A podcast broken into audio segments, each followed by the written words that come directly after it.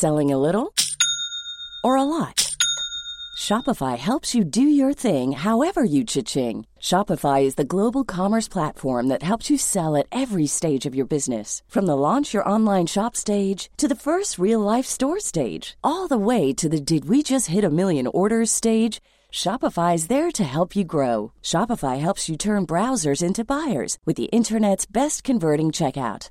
36% better on average compared to other leading commerce platforms because businesses that grow grow with Shopify. Get a $1 per month trial period at shopify.com/work. shopify.com/work. Ready to pop the question?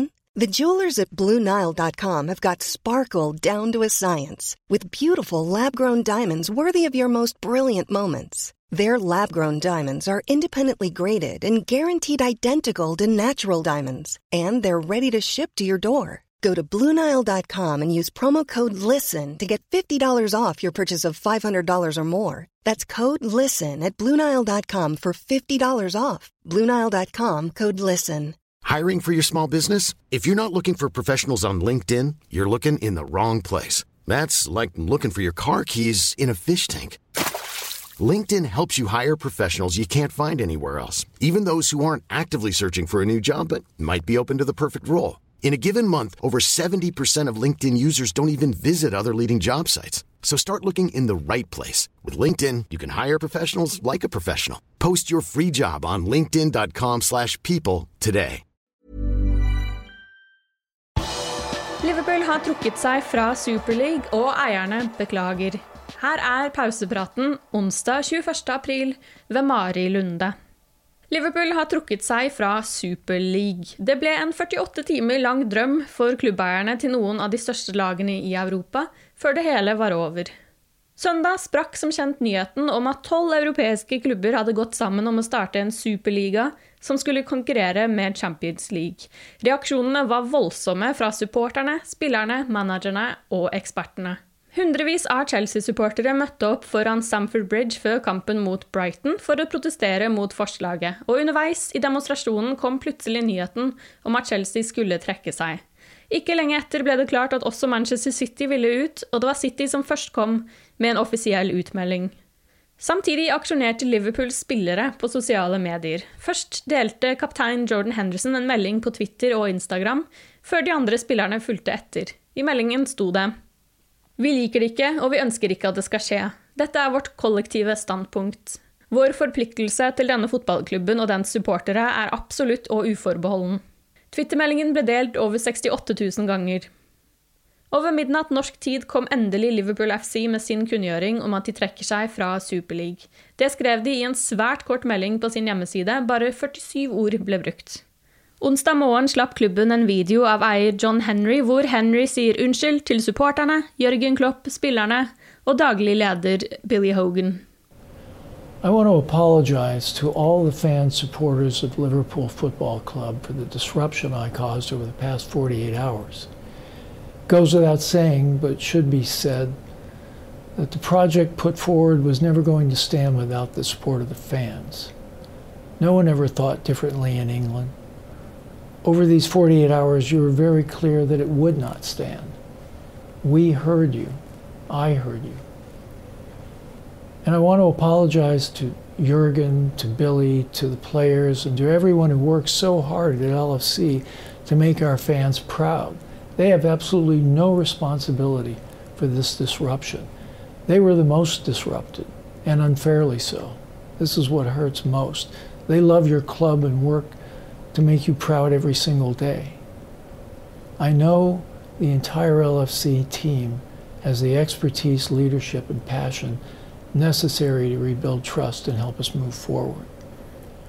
Unnskyldningen til tross, Paul Joyce fra The Times er beinhard i sin kritikk av FSG og John Henry i en artikkel onsdag morgen. Spillet er over, skriver Joyce, som mener FSGs retrett og unnskyldning ikke er nok til å reparere det som nå er et ødelagt forhold mellom eierne og supporterne.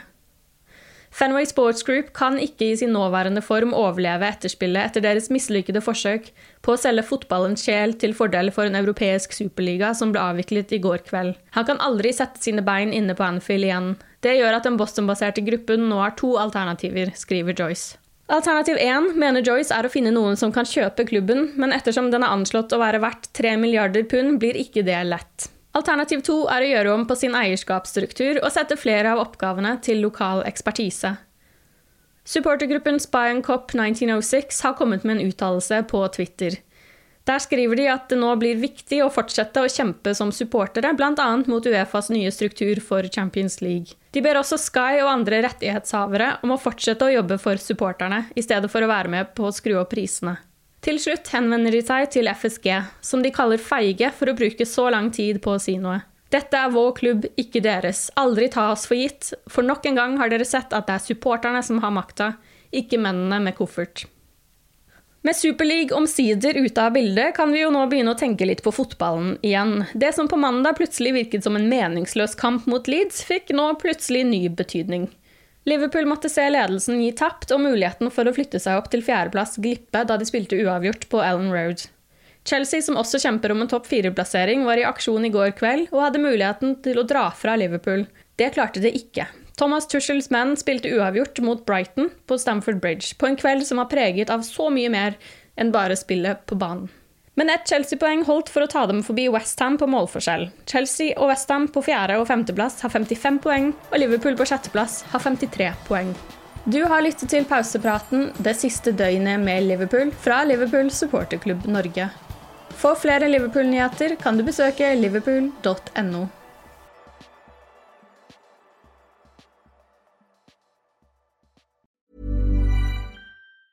Normally, being a little extra can be a bit much, but when it comes to healthcare, it pays to be extra. And United Healthcare makes it easy with Health Protector Guard fixed indemnity insurance plans. Underwritten by Golden Rule Insurance Company, they supplement your primary plan, helping you manage out of pocket costs without the usual requirements and restrictions like deductibles and enrollment periods. So when it comes to covering your medical bills, you can feel good about being a little extra. Visit uh1.com to find the Health Protector Guard plan for you. Hey, it's Danny Pellegrino from Everything Iconic. Ready to upgrade your style game without blowing your budget? Check out Quince. They've got all the good stuff shirts and polos, activewear, and fine leather goods, all at 50 to 80% less than other high end brands. And the best part?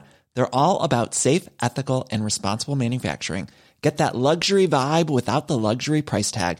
Hit up quince.com slash upgrade for free shipping and 365 day returns on your next order. That's quince.com slash upgrade.